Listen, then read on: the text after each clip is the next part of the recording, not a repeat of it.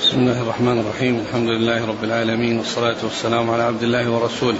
نبينا محمد وعلى آله وصحبه أجمعين. أما بعد فيقول أمير المؤمنين في الحديث أبو عبد الله محمد بن إسماعيل البخاري رحمه الله تعالى يقول في كتابه الجامع الصحيح باب الصلاة إذا قدم من سفر. وقال كعب بن مالك رضي الله عنه كان النبي صلى الله عليه وسلم إذا قدم من سفر بدأ بالمسجد فصلى فيه. قال حدثنا خلاد بن يحيى قال حدثنا مسعر قال حدثنا محارب بن دثار عن جابر بن عبد الله رضي الله عنهما أنه قال أتيت النبي صلى الله عليه وعلى آله وسلم وهو في المسجد. قال مسعر أراه قال ضحى فقال صل ركعتين وكان لي عليه دين فقضاني وزادني. بسم الله الرحمن الرحيم. الحمد لله رب العالمين وصلى الله وسلم وبارك على عبده ورسوله نبينا محمد وعلى آله وأصحابه أجمعين. أما بعد يقول الإمام البخاري رحمه الله باب آه، إذا الصلاة إذا قدم من سفر. باب الصلاة يعني في المسجد. الصلاة إذا قدم من سفر يعني في المسجد. و وأورد في يعني هذه الترجمة حديثين. أشار إلى أحدهما وهو حديث كعب بن مالك الطويل في قصة تخلفه في غزوة تبوك وتوبة الله عز وجل عليه. فذكر أن النبي صلى الله عليه وسلم كان إذا قدم من سفر قد دخل المسجد وصلى فيه وصلى فيه ركعتين. ثم ذكر الحديث الثاني عن جابر رضي الله تعالى عنه. وهو أنه جاء إلى النبي أنه لما قدم من غزوة تبوك ودخل المسجد فالرسول صلى الله عليه وسلم أمره بأن يصلي ركعتين وكان قادما من سفر. والحديثان يدلان على مشروعية الصلاة في المسجد إذا قدم الإنسان من سفر والحديث الأول الذي أشار إليه البخاري هو من فعله عليه الصلاة والسلام والثاني من قوله لبيان أن أن لا يتوهم أن هذا من خصائصه عليه الصلاة والسلام. فإن هذا الحكم ثابت من قوله ومن فعله صلوات الله وسلامه وبركاته عليه. وهذا الحديث الذي ذكره هنا فيما يتعلق بحديث جابر هو قطعة من حديث طويل جاء بألفاظ كثيرة. وبعبارات متنوعة في قصة بيعه جمله على رسول الله صلى الله عليه وسلم. وأخبر بأن النبي عليه الصلاة والسلام كان له عليه دين يعني قيمة الجمل الذي باعه عليه في الطريق واشترط ركوبه والاستمرار عليه إلى المدينة. والرسول صلى الله عليه وسلم تقدم وجاء بعده جابر فلما وصل جاء إلى المسجد وأمره النبي صلى الله عليه وسلم أن يصلي ركعتين لقدومه من السفر وقال وكان ذلك ضحى. ثم إنه قال إنه كان لي عليه دين يعني قيمة الجمل. قال فأعطاني وزادني. بل جاء في بعض الروايات أن النبي صلى الله عليه وسلم أعطاه الجمل وأعطاه قيمة الجمل. أعطاه الجمل وأعطاه قيمة الجمل. ف فهذا الحديث قطعة من ذلك الحديث الطويل الذي جاء بألفاظ كثيرة وبعبارات متنوعة وهو أورده هنا في ما يتعلق بأبواب المساجد لأن من السنة الصلاة في المسجد عند قدوم الإنسان من السفر فيكون الإنسان عندما يصل أول شيء يبدأ به الصلاة في المسجد. قال حدثنا خلاد بن يحيى نعم. عن مسعر ابن كدام. عن محارب بن دثار نعم. عن جابر بن عبد الله. رضي الله عنهما. وهذا رباعي من الأسانيد الرباعية عند البخاري. ومنه يؤخذ الآن أن الذي يزور المسجد النبوي لا يبدأ بالسلام على النبي قبل الصلاة. نعم الإنسان الذي معنا الآن الذي معنا في الحديث هو كونه قدم من سفر. كونه قدم من سفر لكن إذا جاء الإنسان يصلي ثم يسلم. فلا يذهب للسلام قبل يأتي بتحية المسجد ويأتي بالصلاة التي هي عند القدوم من السفر. وحتى لو كان ليس ليس قادما من سفر فإنه آه، إذا دخل يصلي آه، ركعتين ثم يسلم على الرسول صلى الله عليه وسلم. قال رحمه الله تعالى باب إذا دخل المسجد فليركع ركعتين. قال حدثنا عبد الله بن يوسف قال أخبرنا مالك عن عامر بن عبد الله بن الزبير عن عمرو بن سليم الزرقي عن أبي قتادة السلمي رضي الله عنه أن رسول الله صلى الله عليه وعلى عن أبي؟ عن أبي قتادة السلمي نعم. رضي الله عنه أن رسول الله صلى الله عليه وسلم قال إذا دخل أحدكم المسجد فليركع ركعتين قبل أن يجلس. ثم ذكر باب باب. إذا دخل المسجد فليركع ركعتين. إذا دخل المسجد فليركع ركعتين. يعني من السنة أن الإنسان إذا دخل المسجد أنه لا يجلس إلا وقد صلى ركعتين. لا يجلس إلا وقد صلى ركعتين. أما إذا دخل دخولا عارضا وما أراد الجلوس وإنما دخل ليأخذ حاجة أو ليؤدي حاجة فإنه لا لا, لا, لا, لا يدخل تحت هذا الحديث لأن هذا يتعلق بمن بمن يجلس وأنه لا يجلس حتى يصلي ركعتين. ثم إن هذا الحكم يعني آه، آه، العلماء أو آه، أغلى أكثر العلماء على أنه مستحب وحكي وجوبه عن بعض الظاهر عن بعض الظاهرية. وأما بعضهم مثل ابن حزم فإنه يرى أنه من المندوبات. ولكنه جاء عن بعض الظاهرية القول بالوجوب والمشهور والمعروف عند العلماء أنه من قبيل المندوب ولكن الإنسان عليه أن يحرص ألا يجلس إلا وقد صلى ركعتين. ثم إن قوله بل حتى يصلي ركعتين يركع ركعتين ليس له مفهوم في في الكثرة بل إذا يصلي ركعتين أو أربع أو ست أو ثمان أو عشر لا بأس بذلك. وإنما هذا لأنه الحد الأدنى. ولا ومن ناحية مفهومه مما دونه فإنه آه، لا لا يصلي ركعة واحدة ولا يكتفي بركعة واحدة بل أقل ما يصلي ركعتين. والركعة الواحدة إنما تكون في الوتر. ركعة الواحدة تكون في الوتر. فإذا آه، من دخل المسجد فلا يصلي أقل من ركعتين وله الزيادة عن ركعتين. يصلي ركعتين لا ينقص عنهما وله أن يزيد عليهما وله أن يزيد عليهما ليس معنى ذلك أن يصلي ركعتين ولا يصلي غيرهما بل لا مفهوم للزيادة بل له أن يصلي. ولكن من حيث النقص له مفهوم وأنه لا يصلي ركعة واحدة لأن التنفل والنوافل أقلها ركعتان. النوافل أقلها ركعتان والصلاة الركعة الواحدة إنما تكون في الوتر. قال عن أبي قتادة السلمي قال صلى الله عليه وسلم إذا دخل أحدكم المسجد فليركع ركعتين قبل أن يجلس. نعم. و نعم. فإن جلس ونبه. لا بأس يقوم يعني يقوم يعني أو يعني لأنه كما هو ليس بواجب لكنه من فعل من أجل الاستحباب يعني إذا لم يطل الفصل إذا لم يطل الفصل وإنما جلس وكان ناسيا فنبه وأما إذا كان متعمدا ما يؤثر. قال حدثنا عبد الله بن يوسف نعم. عن مالك نعم. عن عامر بن عبد الله بن الزبير نعم. عن عمرو بن سليم الزرقي نعم. عن أبي قتادة السلمي. أبو قتادة السلمي أبو قتادة الأنصاري رضي الله عنه مشهور بنسبته العامة التي الأنصاري. مشهور بهذه النسبة أبو قتادة الأنصاري. ولكنه هنا ذكره بالسلمي وهو نسبة إلى بني سلمة. والمعروف المشهور عند أهل العربية آه، أنه آه، أنه عندما تكون نسبة يقال السلمي ما يقال السلمي. وبعض المحدثين يقولون السلمي وهم بني سلمة.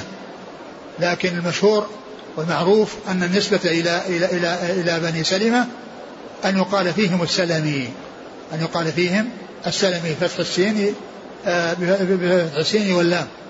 نعم.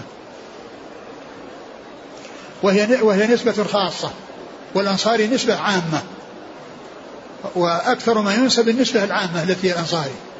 أبو قتادة الأنصاري. هذه هي النسبة العامة المشهورة. التي هي ملازمة لاسمه أبو قتادة الأنصاري. لكنه هنا نسب نسبة خاصة. مثل ما يأتي آه، يتكرر آه، آه، أبو إسحاق السبيعي الهمداني. السبيعي يقال السبيعي ويقال الهمداني. فالسبيعي نسبة خاصة والهمداني نسبة عامة. فكذلك السلمي نسبة خاصة والأنصاري نسبة عامة. نعم. الأسئلة جاءت عن صلاة الركعتين في أوقات النهي. لا ينكر على من جلس ولا على من صلى.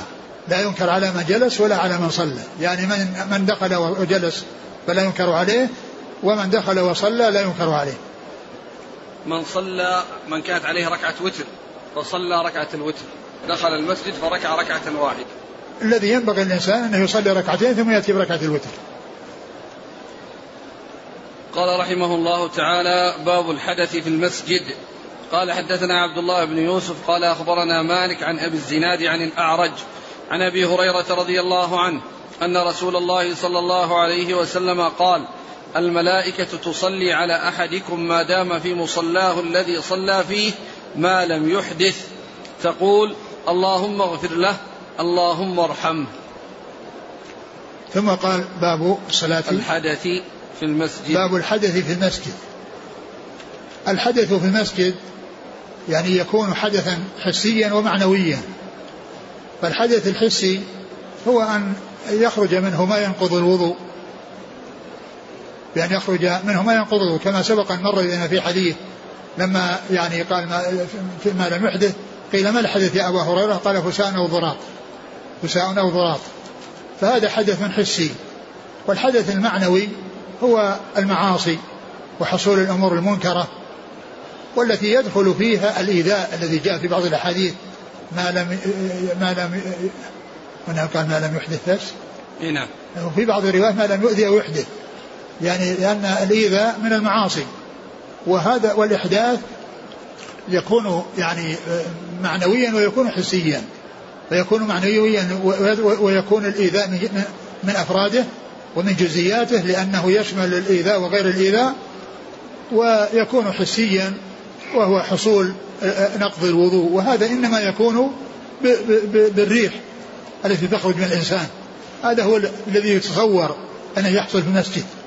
يتصور أنه يحصل في المسجد وأن الإنسان ينتقض وضوءه وهو في المسجد بهذه الطريقة التي هي أشار إليها أبو هريرة يعني فساء أو ضراط ولهذا قال ما لم يحدث الملائكة تصلي عليه ما دام في مصلاه ما لم يحدث تقول اللهم اغفر له اللهم اغفر له. ف وقوله في مصلاه يعني في المكان في المكان الذي صلى ليس المقصود به المكان المحدد الذي صلى فيه وإنما المقصود به المسجد. فلو أن إنسانا صلى وانتقل إلى سارية أو انتقل إلى إلى جدار يستند عليه أو انتقل إلى مكان آخر فإنه يقال له في في مصلاه يعني الذي هو الموضع الذي فيه الصلاة. وليس المقصود به البقعة التي صلى فيها وركع وسجد بحيث ما يتجاوزها وأنه لا يحصل له هذا إلا إذا كان فيها بل له أن ينتقل إلى مكان آخر يحتاج إليه لاستناد أو لغير ذلك. ويكون ما دام أنه يعني ينتظر الصلاة أو بعد الصلاة فإن الملائكة تصلي عليه يعني ما دام في مصلاه سواء كان قبل الصلاة أو بعد الصلاة. ولهذا لو جلس الإنسان في المسجد بعد الصلاة فإن هذا الحكم يحصل له. ثم قوله آه أعيد الحديث. عن أبي هريرة قال صلى الله عليه وسلم الملائكة تصلي على أحدكم ما دام في مصلاه الذي صلى فيه ما لم يحدث. تقول اللهم اغفر له اللهم ارحمه تقول هذا هذا بيان الصلاة عليه لأن الصلاة يعني من الملائكة الاستغفار. صلاة الله صلاة الله على عبده الثناء عليه في الملأ الأعلى. وصلاة الملائكة الاستغفار. والصلاة من المؤمنين الدعاء الدعاء بأن يصلي الله عليه وأن يزيد في شرفه وأن يزيد في إكرامه وإعلاء منزلته صلوات الله وسلامه وبركاته عليه. وهنا لما ذكر أنهم يصلون عليه يعني معناه أنهم يستغفرون ويدعون له بالمغفرة والرحمة ويدعون له بالمغفرة والرحمة. وقوله ما لم يحدث هو في صلاة يعني في حكم الصلاة. وليس معنى ذلك أنه مثل الصلاة تماما لأن في الصلاة ما يتكلم. ولا يلتفت ولا يتحرك يمين وشمال. يعني شأن المصلي أنه لا يحصل من هذه الأفعال. لكن هذا لا يحصل له. فإذا هو في حكمه من حيث أنه يثاب كما يثاب المصلي. ما يثاب كما يثاب المصلي. ثم أيضا قوله ما لم يحدث أيضا يبين أنه ليس من أهل الصلاة الفعلية الصلاة المشروعة لأنه ليس بإمكانه أن يقوم يصلي وهو, محدث. ليس بإمكانه أن يقوم يصلي. ولا آه والدعاء وهذا الذي حصل إنما هو في حال كونه على طهارة. في حوله كونه على طهارة. فإذا انتقض وضوءه فإنه لا يحصل له لأنه لم يكن من أهل الصلاة. لأنه لو أراد أن يصلي ليس بإمكانه أن يصلي. أما الإنسان على وضوء ولم يحدث فإنه إذا شاء يقوم يصلي. إذا شاء يصلي صلى ويصلى جلس. أما من انتقض وضوء في المسجد فليس بإمكانه أن يصلي لأن الله لا يقبل صلاة أحدكم إذا أحدث حتى حتى يتوضأ. لا يقبل الله صلاة أحدكم إذا أحدث حتى يتوضأ. نعم. أورده الآن باب الحدث في المسجد. ثم أيضا يعني يدل على أنه يجوز. الإنسان لو خرج منه يعني شيء أو احتاج إلى يعني أنه يخرج من شيء فإن ذلك لا يؤثر. وإن كان إذا وإذا استطاع أن يمسك وأن يسلم من حصول ذلك لا شك أنه طيب لأن خروجه قد يؤثر على الحاضرين وقد يعني يشمون منه رائحة غير طيبة. لكن يعني قوله ما لم يحدث يعني معناه أنه يحصل هذا في المسجد وأنه يقع في المسجد وأنه بذلك لا يحصل له دعاء الملائكة لأنه لم يكن من أهل الصلاة بعد حصول الحدث. قال حدثنا عبد الله بن يوسف عن مالك عن أبي الزناد عن الأعرج. أبو الزناد عبد الله بن ذكوان وأبو الزناد لقب على صيغة الكنية وكنيته أبو عبد الرحمن والأعرج لقب آه، هو عبد الرحمن بن هرمز. نعم. عن أبي هريرة. نعم. قال رحمه الله تعالى باب بنيان المسجد. وقال أبو سعيد رضي الله عنه كان سقف المسجد من جريد النخل وأمر عمر رضي الله عنه ببناء المسجد وقال أكن الناس من المطر وإياك أن تحمر أو تصفر فتفتن الناس. وقال أنس رضي الله عنه يتباهون بها ثم لا يعمرونها إلا قليلا. وقال ابن عباس لتزخرفنها كما زخرفت اليهود والنصارى. ثم ذكر باب بنيان المسجد. والمقصود به المسجد المسجد هنا الألف واللام للعهد. للعهد الذهني. وهو مسجد الرسول صلى الله عليه وسلم. لأن الذي ذكر فيه بنيان مسجد الرسول صلى الله عليه وسلم. ليس بنيان أي مسجد أو بناء المساجد. وقوله بنيان المسجد الألف واللام للعهد الذهني. أي مسجد الرسول صلى الله عليه وسلم الذي هو المعهود في الأذهان وليس المقصود به الجنس. يعني والكلام لأن هذا ليس فيه الأحاديث التي فيه كلها تتعلق ببناء مسجد الرسول صلى الله عليه وسلم. ولا علاقة لها في بنيان المساجد.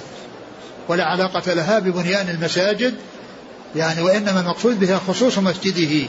فإذا الألف واللام للعهد الذهني. مثل قوله عز وجل ألف لام من ذلك الكتاب. أي الكتاب المعهود في الأذهان الذي هو القرآن. الكتاب المعهود في الأذهان الذي هو القرآن. فتأتي الألف واللام يراد بها العهد الذهني. ويراد بها العموم. وقد جاء الجمع بين بالنسبة للكتاب بين العهد الذهني وبين العموم في قوله وأنزلنا إليك الكتاب بالحق وأنزلنا إليك الكتاب بالحق مصدقا لما بين يديه من الكتاب. فقوله وأنزلنا إليك الكتاب هذا القرآن الألف واللام للعهد الذهني. مصدقا لما بين يديه من الكتاب يعني من الكتب. مصدقا لما بين يديه من الكتاب أي الكتب. ففيه الجمع بين يعني ذكر الكتاب مرتين مرة يراد بها العهد الذهني ومرة يراد بها الجنس. وكذلك آه يا أيها الذين آمنوا آمنوا بالله ورسوله والكتاب الذي نزل على رسوله والكتاب الذي أنزل من قبل. والكتاب الذي أنزل أنزل, أنزل على رسوله الكتاب نزل على رسوله هذا مراد به القرآن. نزل على رسوله. الكتاب الذي نزل على رسوله. والكتاب الذي أنزل من قبل أي الكتب السابقة؟ أي الكتب لأنه يراد بها الجنس. يراد بها الجنس. فإذا قوله المسجد هنا يراد به مسجد الرسول صلى الله عليه وسلم.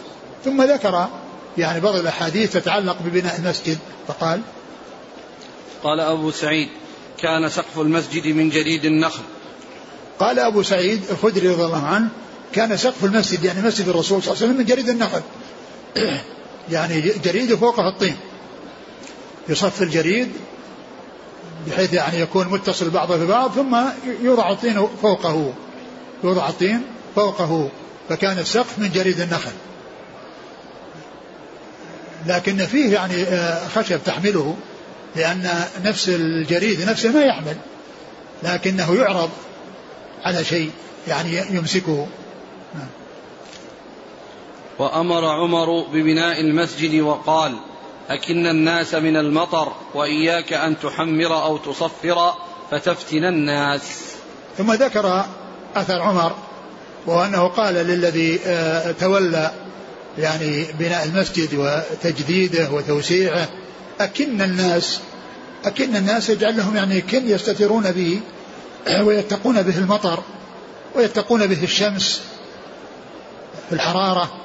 والمطر وكذلك البرد الذي يكون يحصل يعني فإنه في وجود الجدران والسقوف يعني يحصل الدفء ويسلم وهنا قال أكن الناس من المطر يعني معناها أنه يبني يعني بناء يعني يمنع نزول المطر عليهم أكن الناس من المطر وإياك أن تحمر أو تصفر. وإياك أن تحمر أو تصفر يعني تزخرف. تعمل زخرفة يعني ألوان صفر وألوان حمر يعني الذي هو الزخرفة قال فتفتن الناس يعني فتنة الناس يعني تكون بشيئين. إما بكون الإنسان يلهى يحصل فيه يحصل منه التلهي أو كونه ينظر إلى تلك الأشياء فينشغل عن صلاته. ويعني يدخل ومن هذا ما سبق أن مر في حديث بجانية أبي جهل أبي جهم الذي قال آه، آه، صلى في خميصة لها أعلام ثم ردها وقال أعيدوها لأبي جهل أبي جهم وأتوني بأنبجانية أبي جهل. وهي أشياء ليس فيها زخرفة ليس فيها خطوط وليس فيها أعلام فإنها ألهتني آلفا عن صلاتي. فمعنى ذلك أنه لا يحمر ولا يصفر حتى لا يفتن الناس. وأيضا معنى آخر وهو أن لا يفتن الناس بأن يتنافسوا لأنه إذا حصل أن عمر بنى المسجد وأنه فيه زخرفة وفيه يعني معناه الناس يتنافسون في هذا يتنافسون في الزخرفة. فيعني فقال تفتن الناس فيحتمل وكل من المعنيين صحيح. يعني لا يفتن الناس بأن ينظروا إلى هذه الزركشة وينشغلوا عن صلاتهم وكذلك أيضا لا يفتن الناس عند بناء المساجد أنهم يتباهون ويتنافسون ولهذا جاء قال يتباهون. يعني معنى ذلك أنه يصير فيه تباهي فيه تباهي مثل ما يعني مثل ما أخبر في حديث الأعراب في حديث جبريل وأن ترى الحفاة العراة الحفاة أشياء يتطاولون بالبنيان يتطاولون يعني تفاخرا تفاخرا ومباهاة فكل من المعنيين صحيح. كونه يلهي المصلي بنظره إلى هذه الزخرفة وبكونه يشغل الناس ويفتنهم بالتنافس. لا سيما لو حصل هذا في زمن عمر وقالوا إن فيقولون هذا من سنة الخلفاء الراشدين أو أن هذا من عمل عمر رضي الله عنه. فحذر من ذلك. فقال إياك وإياك للتحذير. كما أن عليكم للترغيب والحث كما في قوله عليكم بسنتي وسنة الخلفاء الراشدين وإياكم محدثات الأمور. عليكم بالصدق وإياكم والكذب. نعم. فتفتن الناس. وقال أنس نعم. يتباهون بها ثم لا يعمرونها إلا قليلا. ثم قال أنس يتباهون بها. وهذا يعني يعني يدخل تحت المعنى الثاني للزخرفة وهي المباهاة والتنافس. قال يتباهون بها ثم لا يعمرونها إلا قليلا. يعني يعني يتباهون بها بالعمارة الحسية من حيث الزركشة ولا يعمرونها العبارة العمارة الحقيقية التي هي بالطاعة والجلوس المساجد وذكر الله عز وجل فيها. يعني لا يعمرونها إلا قليلا يعني العمارة العمارة المعنوية التي هي ذكر الله عز وجل الجلوس فيها ذكر الله و يعني والدعاء وقراءة القرآن وتدريس العلم وما إلى ذلك.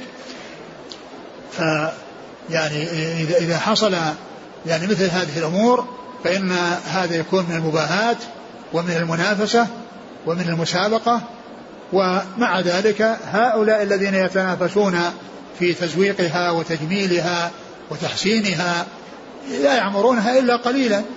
نعم. وقال ابن عباس لتزخفر لتزخرفنها كما زخرفت اليهود والنصارى. ثم قال ابن عباس قال لتزخرفنها كما زخرفت اليهود والنصارى. يعني هذا إخبار عن أمر سيقع وأن الناس زخرفوا المساجد وأن قدوتهم في ذلك اليهود والنصارى. كما قال عليه الصلاة والسلام فتتبعون سنن من كان قبلكم حذو القدة بالقدة حتى لو دخلوا جحر ضب لدخلتموه حتى ولو زخرفوا مساجدهم فإن الناس يزخرفون مساجدهم. وقوله لتتبعون هذا هذا إخبار عن الواقع الذي سيحصل وهو شيء مذموم. ليس للحمد وأن الناس يعني مطلوب يعني يرشدون إلى أن يفعلوا وإنما هذا إخبار بالواقع الذي سيحصل من الناس وهو غير سائغ يحصل من الناس وهو سائغ لتزخرفنها تقليدا لليهود والنصارى واتباعا لسنة اليهود والنصارى. لتزخرفنها كما زخرفت اليهود والنصارى يعني كنائسهم وبيعهم. لتزخرفن مساجدكم كما زخرفت اليهود والنصارى كنائسهم وبيعهم. نعم. قال حدثنا علي بن عبد الله قال حدثنا يعقوب بن إبراهيم بن سعد قال حدثني أبي عن صالح بن كيسان قال حدثنا نافع أن عبد الله رضي الله عنه أخبره أن المسجد كان على عهد رسول الله صلى الله عليه وسلم مبنيا باللبن وسقفه الجريد وعمده خشب النخل فلم يزد فيه أبو بكر رضي الله عنه شيئا وزاد فيه عمر رضي الله عنه وبناه على بنيانه في عهد رسول الله صلى الله عليه وسلم باللبن والجريد وأعاد عمده خشبا ثم غيره عثمان رضي الله عنه فزاد فيه زيادة كثيرة وبنى جداره بالحجارة المنقوشة والقصة وجعل عمده من حجارة منقوشة وسقفه بالساج. ثم ذكر بعد ذلك بناء المسجد عليه الصلاة والسلام بناء المسجد في عهد عليه الصلاة والسلام وفي عهد عمر وفي عهد عثمان. وأما عمر أبو بكر فإنه ما حصل في عهده شيء. ومدته قليلة لأنه لم يبقى بعد رسول الله صلى الله عليه وسلم إلا سنتين وزيادة. وأما عثمان عمر فقد بقي عشر سنوات وزيادة وعثمان بقي اثنا عشر سنة وزيادة. وأما أبو بكر فمدته قليلة حيث لم تزد على سنتين إلا يعني أشهرا فأبو سعيد بين كيف كان في عهده صلى الله عليه وسلم وكيف كان بناؤه في عهد عمر وكيف كان بناؤه في عهد عثمان. إيش قال؟ قال كان. أن المسجد كان على عهد رسول الله صلى الله عليه وسلم مبنيا باللبن وسقفه الجريد. مبنيا باللبن. يعني جدرانه باللبن. وقد سبق أن مر بنا حديث أنهم لما بنوا المسجد وجعلوا النخل التي قطعوها في قبلته وجعلوا عضادتها من حجارة وأنهم كانوا ينقلون الحجارة. والنبي صلى الله عليه وسلم يعني يقول اللهم إن العيش عيش الآخرة فاغفر للانصار والمهاجرة. مر بنا هذا الحديث. وهنا فيه ذكر اللبن. فيكون معنى ذلك وهذا في عهده صلى الله عليه وسلم. فيكون معنى ذلك على على ما جاء في الحديث السابق كأن ذلك في القبلة. يعني الحجارة يعني كانت في القبلة. وأما يعني ما جاء في الحديث يعني فيكون في في الجوانب وفي المؤخر. يكون في الجوانب وفي المؤخر البنيان. يعني بناء الجدران يعني باللبن الذي الذي يكون من الطين. اللبن الذي يتخذ من الطين. كان كان كان المسجد أن المسجد كان على عهد رسول الله صلى الله عليه وسلم مبنيا باللبن وسقفه الجريد وعمده خشب النخل. وسقفه الجريد سقفه الجريد ومثل ما مر الاثر الذي علقه عن أبي سعيد وقال كان سقفه بجريد النخل. وفي زمن عمر قيل إن إن إن, الجريد إنه تأثر وأنه حصل فيه يعني آه، حصل فيه يعني خلل فيعني أعاد بناءه وجعل بناءه كما كان في عهد عليه الصلاة والسلام يعني الجدران من اللبن والسقف من من الجريد والعمد من من وعمده خشب النخل. وعمده خشب النخل.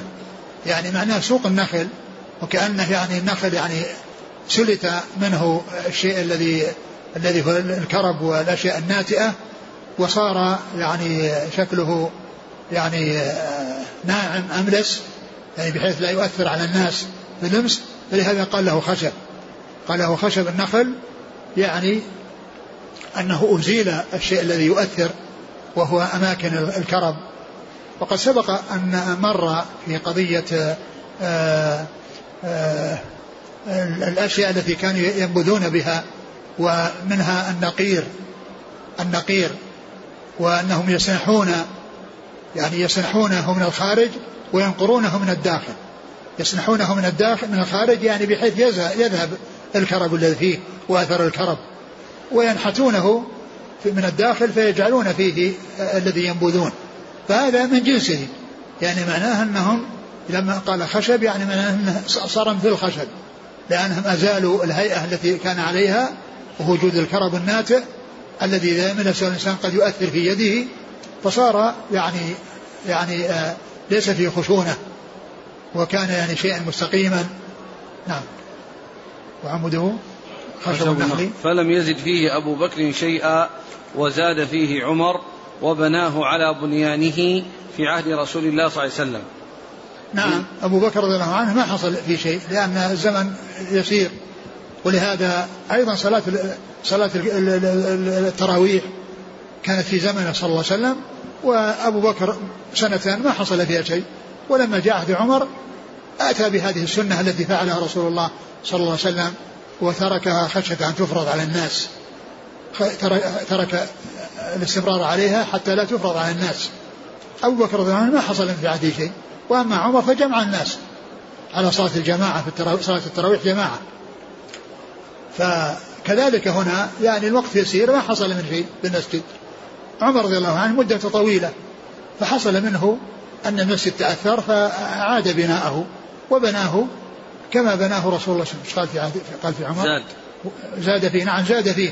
ومن الزيادة ما كان من جهة الأمام لأن عمر وعثمان زاد المسجد من جهة الأمام وهذا من أوضح الأدلة التي يستدل بها على أن الزيادة لها حكم المزيد وأن الصلاة بألف صلاة ليست خاصة في مسجده صلى الله عليه وسلم وهي البقعة التي كانت في زمن عليه الصلاة والسلام. بل مهما وسع المسجد وزيد فإن الزيادة لها حكم المزيد. الصلاة بألف صلاة في الأصل والزيادة في الزيادة والمزيد. وهذا أوضح دليل لأن عمر وعثمان زادوا المسجد من جهة الأمام والإمام يصلي في الزيادة والصفوف الأول التي هي خير الصفوف في الزيادة. فهذا يدل على أن الزيادة لا حكم مزيد وأن التضعيف لا يختص بالبقعة التي كانت هي المسجد. لأن البقعة التي كانت هي المسجد هي معروفة وهي هذه الزيادة التي أمامها والتي مقابلة لباب السلام كل هذه المسافة التي مقابلة لباب السلام الآن هذه كلها من الزيادة. والإمام يصلي في الزيادة والصف الأول في الزيادة والصف الثاني والثالث إلى إلى ستة أو إلى سبعة أو ثمانية أو, أو تسعة. يعني كلها بالزيادة فدل هذا على أن الزيادة لها حكم المزيد. نعم. وزاد فيه عمر وبناه على بنيانه في عهد رسول الله صلى الله عليه وسلم باللبن والجريد وأعاد عمده خشبا. نعم. ثم غيره عثمان فزاد فيه زيادة كثيرة. نعم. وبنى جداره بالحجارة المنقوشة والقصة. القصة هي هي الجص يعني الذي يعني يعتبر من معادن الأرض يحرقونه بالنار ثم يعني يدقونه ثم بعد ذلك ينخلونه ويصير أبيض فإنهم يتخذونه للميازيب لأن الميازيب ما كان عندهم ميازيب يعني بارزة الميازيب البارزة هذه تؤثر لأنها تصب على الناس فكانوا يتخذونه يعني بالجدار نفسه ولكن يعملون هذا هذا الجص الذي لا يؤثر فيه الماء إذا نزل معه أما الطين إذا نزل معه الماء يعني يذهب ويسقط الجدار. فكانوا يعني يطلونه بالجص. فالجص يعني كان يعني من الأشياء التي يعني يحطونها بين بين الحجارة وكذا جص يعني يمسك بعضها ببعض. لأنه يعني قوي في المسك. وأيضا يعني آه، يعني لا يؤثر فيه الماء إذا مشى عليه. لا يؤثر فيه المشى عليه. ولهذا كما قلت لكم يضعون المجازيب شق في الجدار. يعني شق في الجدار ويطلونه بالجص. حتى يعني يبقى الجدار سليما بسبب هذا الجص الذي وضع عليه. فالقصة هي الجص. نعم. وجعل عمده من حجارة منقوشة. يعني بدل الخشب. يعني بدل الخشب. والحقيقة بناء المساجد بناء المساجد وتقوية بنيانها بدون زخرفة هذا شيء طيب. لأن متانة البنيان وقوته وإحكامه يعني يمكث طويلا يكون عمره طويلا بسبب يعني آه، القوة والمتانة. بخلاف ما إذا كان يعني آه، بناؤه ضعيف فإنه بعد فترة يحصل فيه خلل. لكن إذا كان محكما وقوي البنيان فإنه يطول أمده لكن مع الذي ينبغي مع إحكام بالبناء البنيان وتقويته من غير مبالغة زائدة لا حاجة إليها فإن إنه لا يكون فيه زخرفة ولا يصلح أن يكون فيه زخرفة. نعم. وجعل عمده من حجارة منقوشة وسقفه بالساج.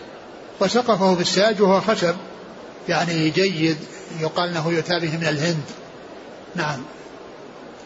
يعني سقف يعني يكون فوقه الطين يعني بدل الجريد الجريد الذي كان يعني يتآكل ويحصل فيه يعني هذا هذا خشب قوي ألواح قوية. نعم. قال حدثنا علي بن عبد الله نعم. عن يعقوب بن إبراهيم بن سعد نعم. عن أبيه نعم عن صالح بن كيسان عن نافع عن عبد الله. نعم. عبد الله بن عمر رضي الله عنهما. نعم. قال رحمه الله تعالى باب التعاون في بناء المسجد. ما كان للمشركين أن يعمروا مساجد الله شاهدين على أنفسهم بالكفر أولئك حبطت أعمالهم وفي النار هم خالدون. إنما يعمر مساجد الله من آمن بالله واليوم الآخر وأقام الصلاة وآتى الزكاة ولم يخش إلا الله. فعسى أولئك أن يكونوا من المهتدين. نعم.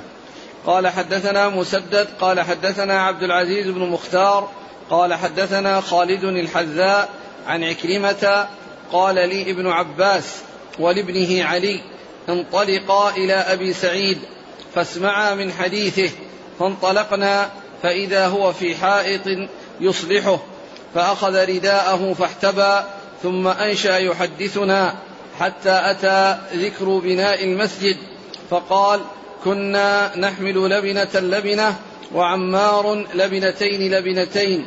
فرآه النبي صلى الله عليه وسلم. فينفض, فينفض التراب عنه ويقول ويح عمار تقتله الفئة الباغية. يدعوهم إلى الجنة ويدعونه إلى النار.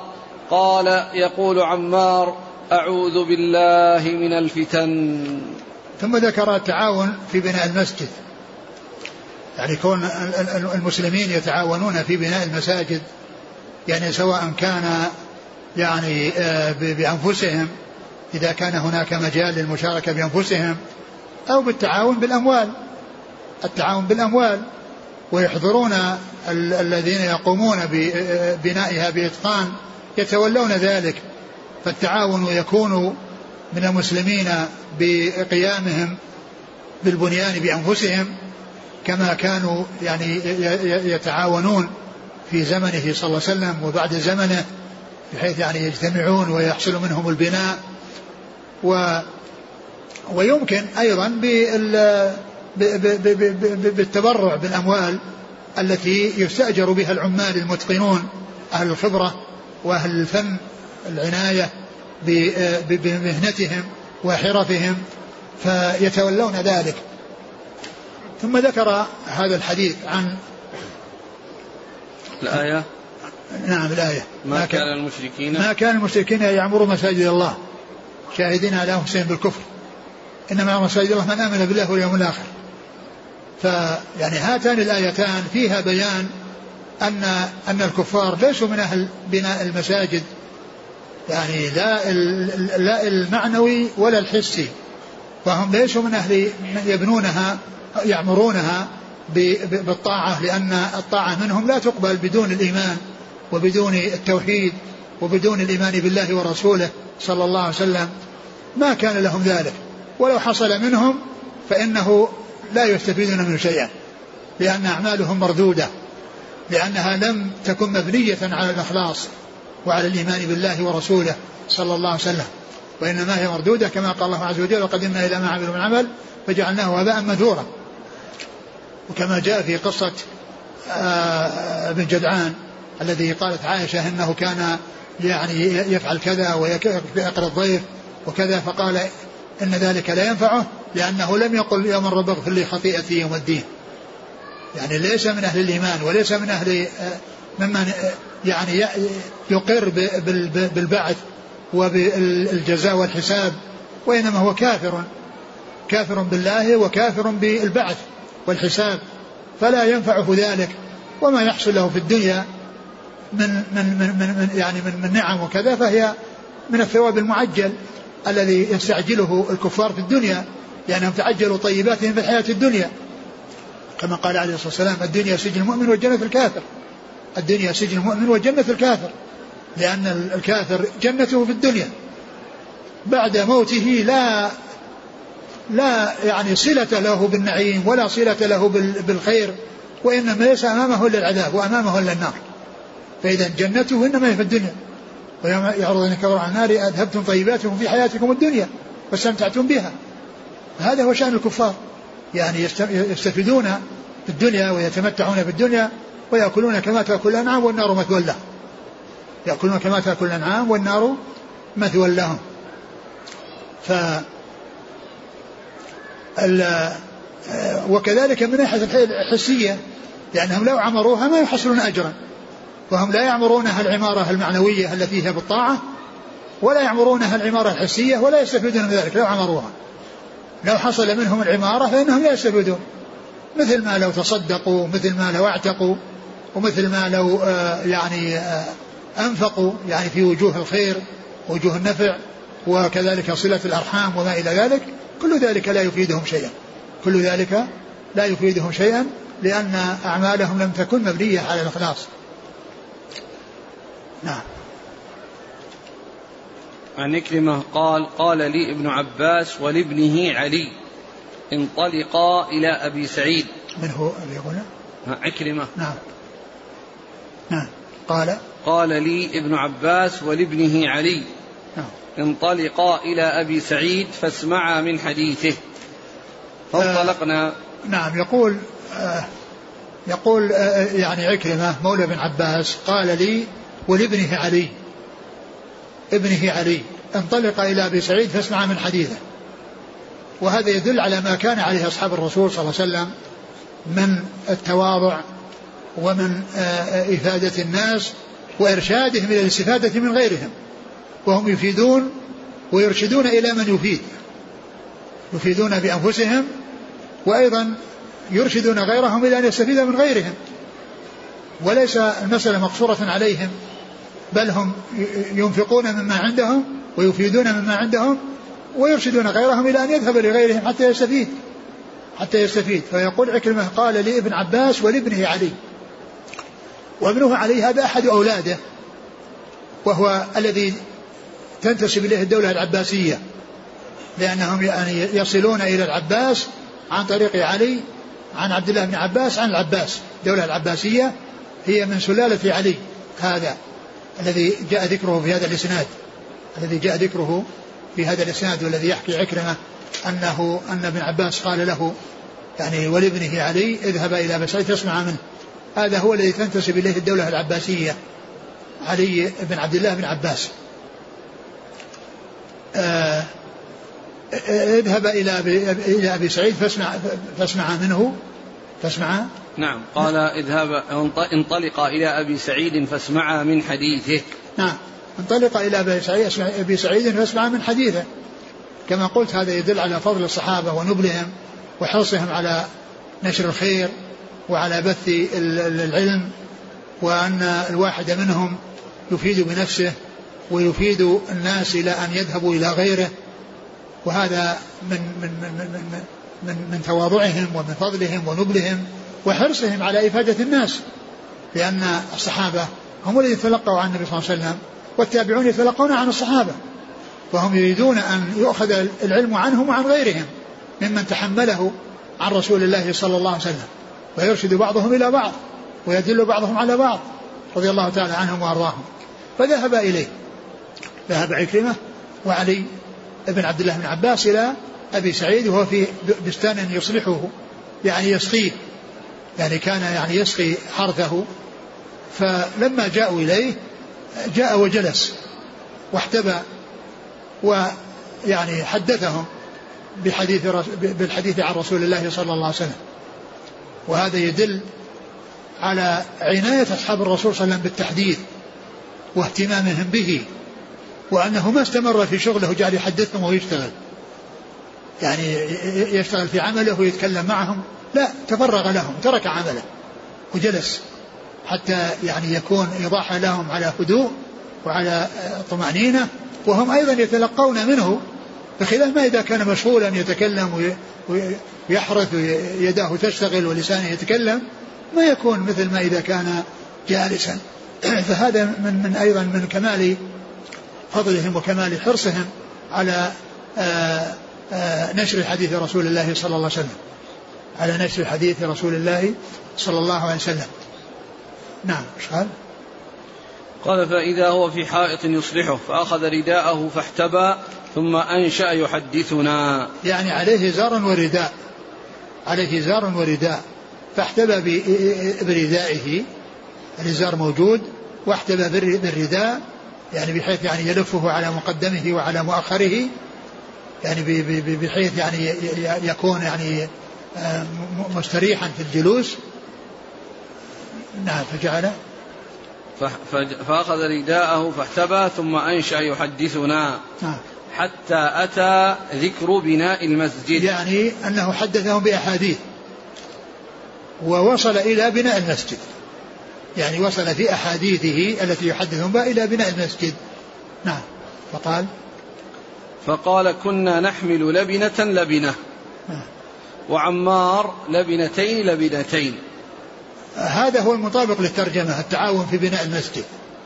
لأنهم يعني مجتمعين ينقلون كل واحد ينقل لبنة وهم أعداد. وعمار ينقل لبنتين. عمار يحمل لبنتين وهم يحملون على لبنة لبنة.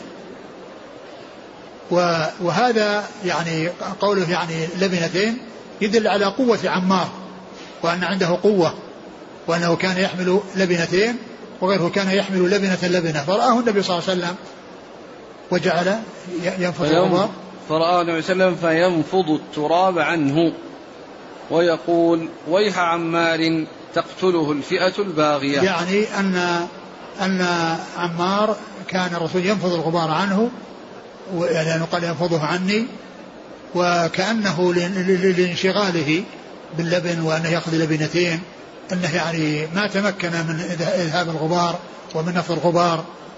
ف فجعل ينفضه الرسول صلى الله عليه وسلم ويقول ويح عمار تقتله الفئة الباغية ويح عمار تقتله الفئة الباغية. وويح هذه كلمة يعني آه، ليست كلمة دعاء عليه وإنما هي كلمة يعني آه، لا يرى ليست مثل ويل لأن ويل يعني دعاء على الإنسان وأما ويح فإنها ليست كذلك. ويح آه، عمار تقتله الفئة الباغية. وقد قتل رضي الله عنه وهو كان مع جيش علي رضي الله عنه وكانوا مقابلين الجيش أهل الشام وقتل في تلك, في تلك الوقعة.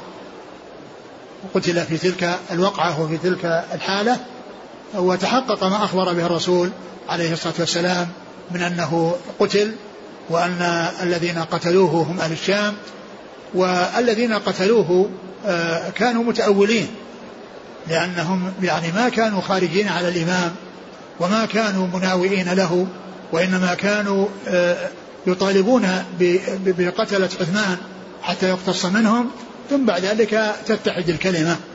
وعلي رضي الله عنه أراد أن تبقى الأمور وأن تجتمع الكلمة أولا ثم بعد ذلك يتجه إلى لأنهم مندسين في جيش علي رضي الله عنه. فيعني أراد علي أن تجتمع الكلمة أولا فحصل ما حصل.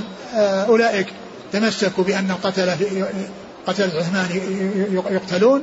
وعلي رضي الله عنه رأى التريث وحصل ما حصل. وحصل الاقتتال بدون رغبة من الطرفين. ولكن الناس الذين عندهم تسرع حصل على ما حصل وقعت الوقعة وقتل عمار رضي الله تعالى عنه وأرضاه. فيعني علي رضي الله عنه لا شك أنه هو الإمام وهو الذي آه، قال فيه الرسول صلى الله عليه وسلم في الخوارج تخرج خارجة المسلمين تقتلهم على على تخرج خارجة على حين فرقة من المسلمين تقتلهم أولى الطائفتين بالحق. تقتلهم أولى الطائفتين بالحق. والذي قتلهم علي رضي الله عنه. والذي قاتلهم علي رضي الله عنه. لكن أولئك كما هو معلوم اجتهدوا. والمجتهد المصيب له أجران. والمجتهد المخطئ له أجر واحد. المجتهد المصيب له أجران. والمجتهد المخطئ له أجر واحد. يدعوه يدعوهم إلى الجنة وهم يدعونه إلى النار. يعني هذا بحسب الظن. يعني بحسب الظن وإلا فإنهم لا يدعون إلى النار. ويعني والدعوة إلى النار هم لا يدعون إلى النار ولكنهم اجتهدوا ورأوا أن أن القتلة الذي تولوا قتل عثمان يقتص منهم وبعد ذلك تجتمع الكلمة. وشاء الله ما شاء وحصل ما حصل وصار هذا الذي وقع وتحقق ما أخبر به الرسول الكريم صلوات الله وسلامه وبركاته عليه. ولهذا لا يجوز أن يكون في قلب أي مسلم شيء على أحد من أصحاب الرسول صلى الله عليه وسلم. لأن لأنهم اختلفوا وحصل ما حصل وحصل هذا الاقتتال. ولكن الواجب أن يكون الجميع حظهم من المسلم أن يكون قلبه سليما لهم ولسانه سليما لهم. كما قال شيخ الإسلام ابن تيمية في آخر الحموية آخر الوسطية ومن أصول أهل السنة والجماعة سلامة قلوبهم وألسنتهم لأصحاب رسول الله صلى الله عليه وسلم. ومن أصول أهل السنة والجماعة سلامة قلوبهم وألسنتهم لأصحاب رسول الله صلى الله عليه وسلم. فتكون القلوب سليمة ليس فيها شيء من الغل والألسنة سليمة ليس فيها شيء من الذم. وهذا هو الذي ذكره الله عز وجل في سورة في سورة في سورة في سورة الحشر لما ذكر المهاجرين في آية وذكر الأنصار في آية ذكر من كان على منهاجهم وعلى طريقتهم في آية. فقال والذين جاءوا من بعدهم من بعد المهاجرين والأنصار يقولون ربنا اغفر لنا ولإخواننا الذين سبقونا بالإيمان. وهذا في سلامة الألسنة لأنهم يقولون ربنا اغفر لنا فألسنتهم سليمة يدعون لهم ولا يدعون عليهم. يمدحونهم ولا يذمونهم. ثم قال ولا تجعل في قلوبنا غلا. يعني قلوبهم سليمة ويسألون الله عز وجل أن يبقيها سليمة.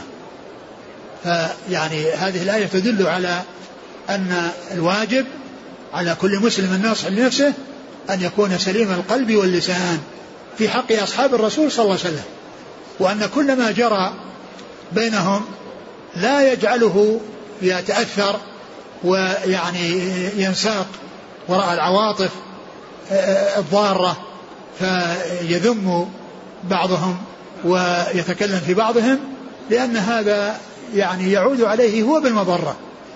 يعود عليهم بالمضرة عليه هو بالمضرة وهو لا يضرهم. لا يضرهم نعيقه وإنما نعيقه على نفسه وضرره على نفسه ولا يضر أصحاب رسول الله صلى الله عليه وسلم شيئا رضي الله تعالى عنهم وأرضاهم. والذين جاءوا بعدهم يقول ربنا اغفر لنا ولإخواننا الذين سبقونا بالإيمان ولا تجعل في قلوبنا غلا للذين آمنوا. ربنا إنك رؤوف رحيم. ولهذا يعني يعني بعض السلف سئل يعني لما جاء ذكر يعني علي رضي الله عنه وما حصل في زمانه من الفتن وما جرى يعني من الفتن اللي حصلت في زمانه رضي الله عنه وأرضاه قال إن الفتن التي كانت في أيامه صان الله منها أيدينا فنسأله أن يصون ألسنتنا. صان أيدينا لأن ما كنا في زمانهم.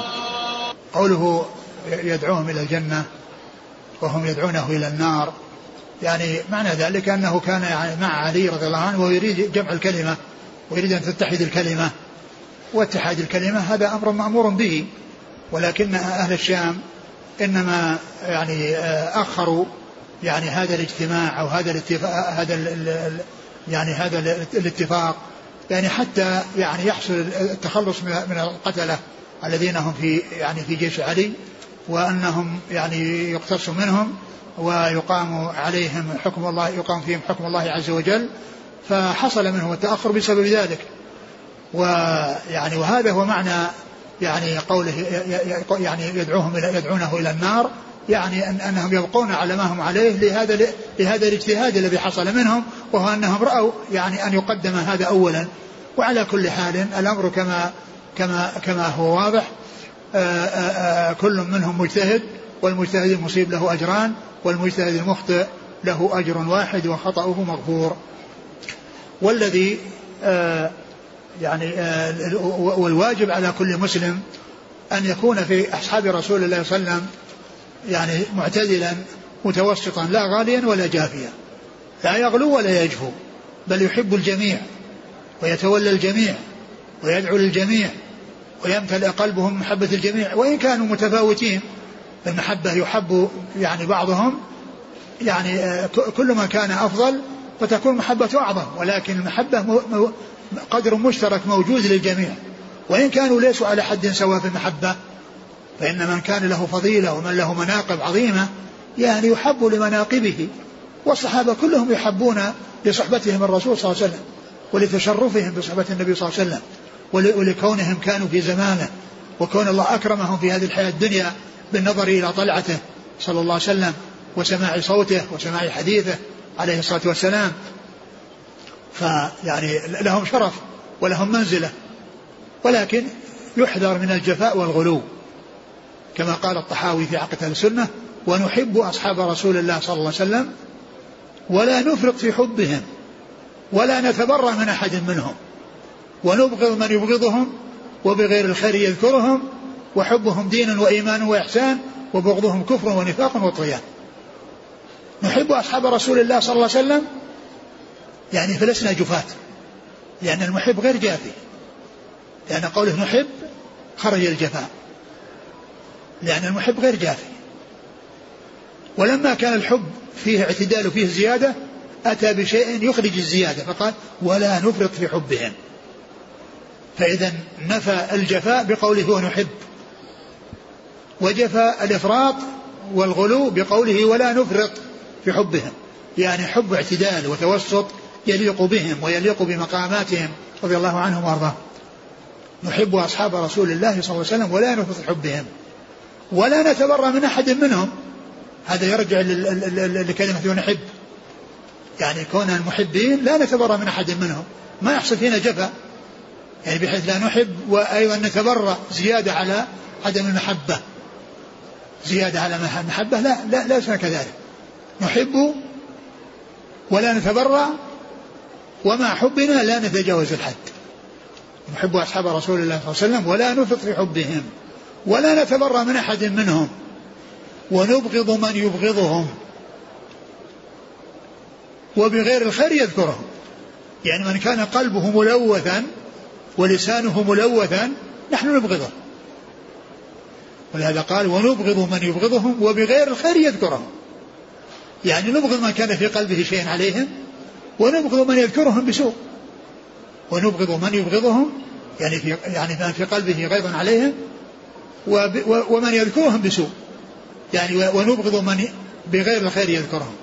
وحبهم دين وإيمان وإحسان لأننا ما عرفنا الدين إلا عن طريق الصحابة. هم الواسطة بيننا وبين رسول الله صلى الله عليه وسلم. ما عرف الناس كتابا ولا سنة إلا عن طريق الصحابة. والجرح في الناقل جرح في المنقول. والقدح في الناقل قدح منقول. ومن قدح في الصحابة قدح في الكتاب والسنة. لأن القدح في الناقل قدح منقول. حبهم دين وإيمان وإحسان لأن ما عرف الحق إلا عن طريقهم. وكفرهم وبغضهم كفر ونفاق وطغيان. لأن من يبغضهم ويتبرأ منهم ويكفرهم أو يفسقهم يعني هذا يعني رد الكتاب والسنة. يعني كتاب السنة إنما عرفت عن طريقهم. نعم. قال قال يقول عمار أعوذ بالله من الفتن. نعم يقول عمار أعوذ بالله من الفتن. لما سمع يعني هذا الكلام وأن هذا يعني يحصل في فتن. يحصل في فتن. نعم. قال حدثنا مسدد نعم. عن عبد العزيز بن مختار نعم. عن خالد الحذاء نعم. عن عكرمة عن ابن عباس عن أبي سعيد. عن عكرمة عن أبي سعيد. لا عن عن عكرمة عن عن عكرمة عن ابن عباس. عن أبي سعيد. لأن الآن آه، يعني علي ليس راويا. وابن عباس مرشدا ودالا وهذا شريكا في آه، التحديث والتحديث إنما هو من عكرمة عن أبي سعيد. والله تعالى أعلم وصلى الله وسلم وبارك على عبده ورسوله نبينا محمد وعلى آله وأصحابه أجمعين. جزاكم الله خيرا وبارك الله فيكم ألهمكم الله الصواب ووفقكم للحق. نفعنا الله ما سمعنا غفر الله لنا ولكم وللمسلمين أجمعين آمين. عند ذكر الآية ما كان المشركين أن يعمروا مساجد الله. جاءت الأسئلة إلى أن بعض الجاليات قد تبرع لها من جهات كافرة في بناء مساجد ومراكز إسلامية إذا كانوا يعني وجدوا من, من, من مالهم أو من أموال المسلمين ما يكفي عن ذلك ويغني عن ذلك فإن هذا هو هذا هو الذي ينبغي وهذا هو الذي لا يعدل عنه وإن حصل أن يعني أن الكفار قدموا لهم شيء وهم بحاجة إليه فيقبلونه لا بأس بذلك لكنه لا يفيد الكفار شيئا. يعني هذا الذي حصل هو يعني لا يفيدهم شيئا وإن كان خيرا فإنه لا يفيدهم ولكن يفيد المسلمين. فإذا احتاجوا إلى ذلك ولكن لا يسألونهم ولا يطلبون منهم لكن إن أعطوهم شيء وهم بحاجة إليه غير مستغنين عنه فلهم أن يأخذوه. كما لو أعطاهم قطعة من الأرض يعمرون فيها مسجد أو أعطوهم من المال لكن بدون مطالبة لا يطلبون منهم شيئا. صلى الله عليك. القاعدة التي ذكرتموها الزيادة لا حكم المزيد.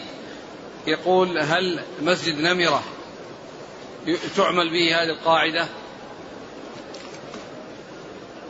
آه، مسجد نمرة ليس له فضيلة يعني آه، أن الصلاة فيه بكذا. ليس فضيلة الصلاة بكذا. ليس فيه هذه الفضيلة. ولكن أي مسجد إذا إذا وسع فإن الصلاة فيه صلاة الجماعة يعني تحصل كل سواء الأصل أو المزيد. لكن هذا الذي الذي مثل الرسول تفضيل الصلاة بألف صلاة. هذا للزيادة والمزيد وهناك المسجد إذا وسع وهو يصلى في جماعة الأصل والزيادة كلها ب 27 درجة. لأن صلاة الجماعة تفضل صلاة البيت ب 27 درجة. هو يريد من حيث الوقوف. إيش؟ الوقوف بعرفة. لا من ناحية الوقوف من ناحية الوقوف يعني المقدم هو خارج عرفة. مقدم المسجد خارج عرفة ومؤخره من عرفة. فالآن الموجود فيه جزء ليس من عرفة وجزء من عرفة. فمن حيث الوقوف يوقف مؤخره ولا يوقف في مقدمه. القاعدة هذه لا تصلح. الزيادة لا المزيد. هو فيما يتعلق بهذا محدد بعرفة وهذا ليس من عرفة. لكن من ناحية الحكم من ناحية الثواب آه، صلاة الجماعة في في المسجد كله سواء مقدم مؤخرة ب 27 درجة.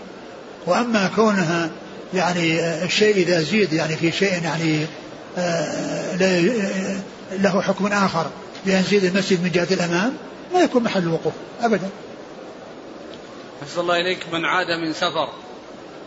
ولم يجد مسجدا مفتوحا هل له أن يصلي في البيت ويعتبر أدى السنة هو معذور ما دام أنه ما حصل له مسجد يصلي فيه وإن صلى في بيته ما نعلم شيء يدل عليه ما نعلم شيء يدل عليه لكن الأمر في ذلك واسع له أن يصلي وله أن لا يصلي. قوله صلى الله عليه وسلم إذا دخل أحدكم المسجد فليركع ركعتين.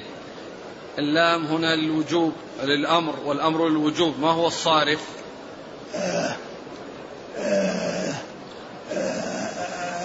ما أذكر يعني إيش الصارف لكن العلماء أو غالبيتهم أو كالإجماع على أنه للاستحباب. ما أتذكر الآن شيء صارف.